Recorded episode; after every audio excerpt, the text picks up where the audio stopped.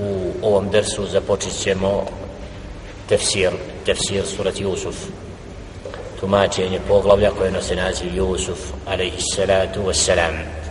Allahu miljenik poslanik koga je djelle šanu u posljednoj knjizi Kur'an i Kerimu spomenuo Muhammedu alaihi salatu wassalam da ova sura bude ibratom i poukom mnogima kada je u pitanju borba za istinu i poziv ka pravome putu i zavidnost svih oni koji nisu voljni da prihvate i slijede uputu. Ova sura još nosi na, na, naziv suratu Djala. Poglavlje koje nosi naziv Djala. Znači sura koja je na po sebi poziv. Jer Jusuf alaihi salatu wasalam u svakom momentu koristio je priliku da čovjeka usmjeri u čistu i pravu vjeru i pozove tako kada je bio u zatvoru vidjeli smo, vidjet ćemo kasnije da je koristio vrijeme da one koji su bili uz njega usmjeri ka čistoj vjeri. Da ih vrati Allah subhanahu wa ta'ala i da ne imaju na svome srcu breme zatvora i onoga što ih okružuje nego da je ispravno ako čovjek se preda Allahu subhanahu wa ta'ala i bude pokoran stvoritelju u svakom vaktu i vremenu ne može biti gubitnik. To kažem događaj vezani za Jusuf alaih sallatu wasalam i sve prepreke na polju nečega Jelle šenu je spomenuo u ovoj suri kako vidimo u uvodu nakon audu billahi min šeitanu rajim bismillahirrahmanirrahim يقول الله تعالى ألف لام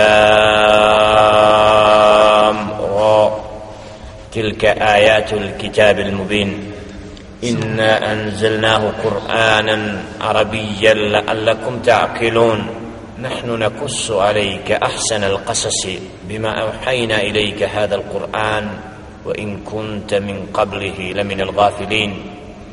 إذ قال يوسف لأبيه يا أبت إني رأيت أحد عشر كوكبا والشمس والقمر رأيتهم لي ساجدين. الآيات prvi ajeti min surati Yusuf kome djelle še'nu nakon početka ألف Lam Ra harfova kojima se započinju neke od sura kaže Đelešenu tilke ajatul kitabil mubin.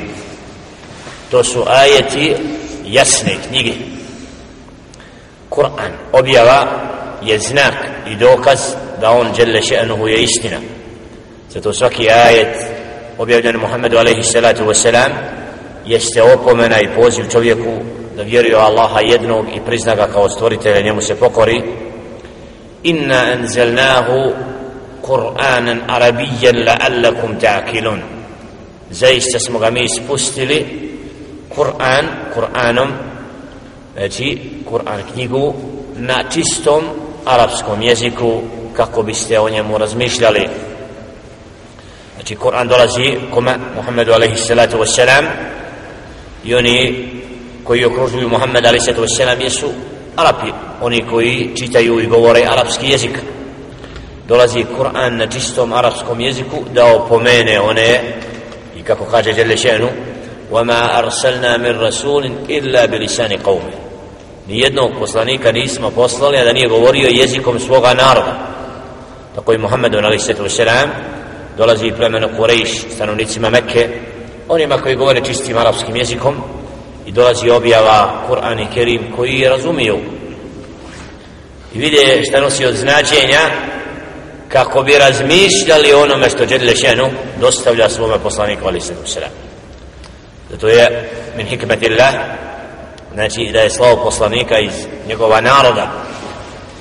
I Allah zna da u današnjem vaktu i u svakom vremenu kad u jednu zajednicu, jednu skupinu dođe neko od njih samih pa im počne pozivati onda je to onaj pravi čisti davet. Ko dođe sa strane nešto uvijek ima kao da iako znači nije šart nije slijepo pravilo ali je činjenica da kad iz, u, svojoj, u jednoj porodici neko počne da prakticira din prihvati pravi put pa počne da poziva nije isto kad neko sa strane djeluje. Znači ulazi u srž problema bit problema. Kada on je od nas on je među nama živio on je rođen, on je naš nije neko sa znači i on je bio onakav sad zašto je onakav. Znači mnogo što što tad dolazi do znači da uputa je u stanju da čovjeka promijeni. A da nije od nje rokola to je stranac on ne razumije on ne pojma naš problem i ne znam slično. Zato u min hikmetillah od Allahove mudrosti jeste da je upravo slao svakom narodu opominjevača iz njihovih krugova i njihovih redova. Jela zna da mnoge daje danas sinom svijeta koje su se napojile čistim učenjem dolaskom u Medinu i druga mjesta gdje se čisto podučava islam. Kad se vratili svoj narod onda je došlo čisto obuđenja islama širom svijeta. Gdje su počeli njihovi sinovi znači da prenose i podučavaju čovjeka.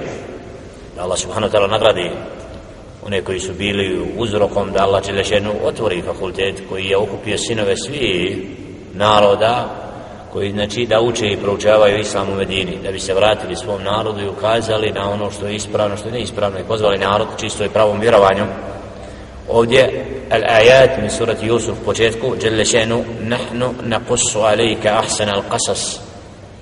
Da je rečeno u povod objave ovoga ajeta Muhammedu alaihi salatu wassalam kad bi nam nešto pričao?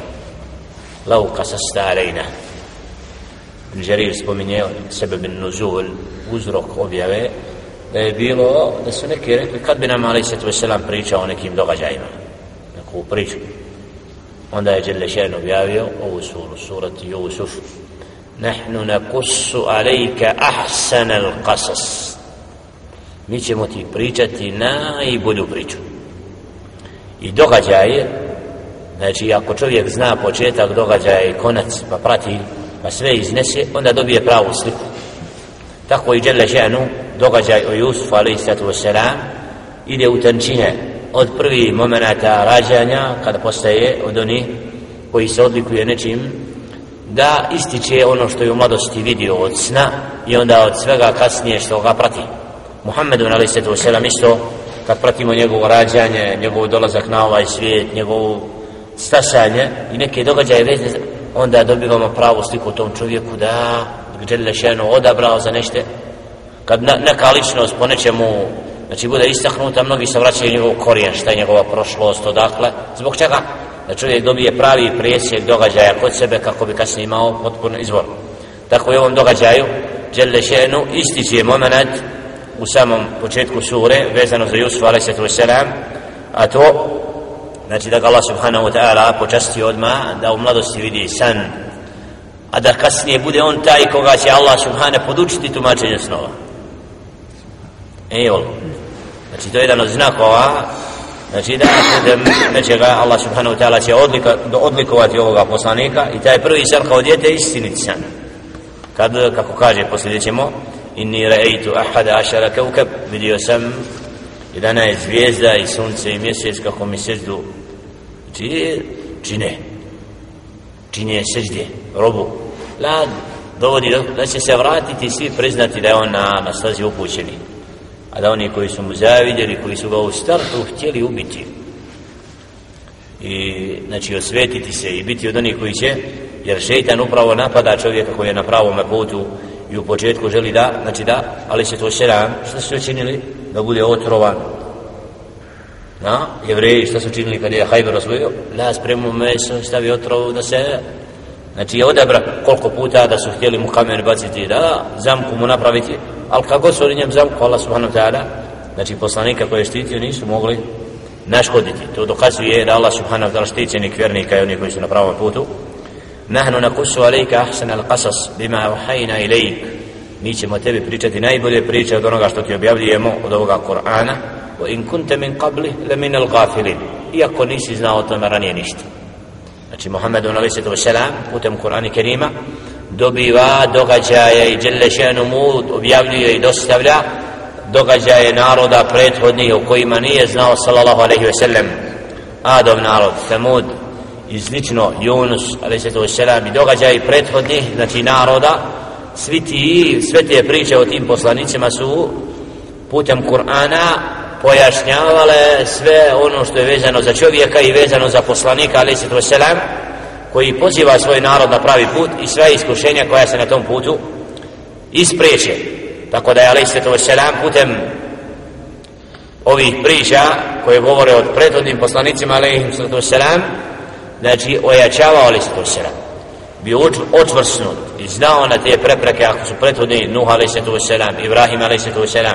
Ismail ali se selam i svi znači imali su svojim narodom ono se zove odbijanja, inkar neprihvatanja. Znači neslijedjenje poslanika odmah u startu tako ali se to selam isto znači putem ovih događaja i putem priča o drugim poslanicima ali se to selam bude učvršćen i ojačan i na takav način ummet Muhammed ali se to selam upravo i sljedbenici poslanika ali se to selam kad vidje kako su poslanici prethodni imali iskušenja kako svojim narodom onda lakše podnose sve prepreke koje njih. Zato u pričama kuranskim koje su istinite je veliki ibret i pouka da pojedinac i musliman ojača očvrsne i da upravo na njihovim primjerima se poduči i nauči kako treba biti ustrajan i čvrst u svom vjerovanju i biti od onih koji je dosljedan slijedjenju Allahove riječi onoga što žele ženu objavljuje.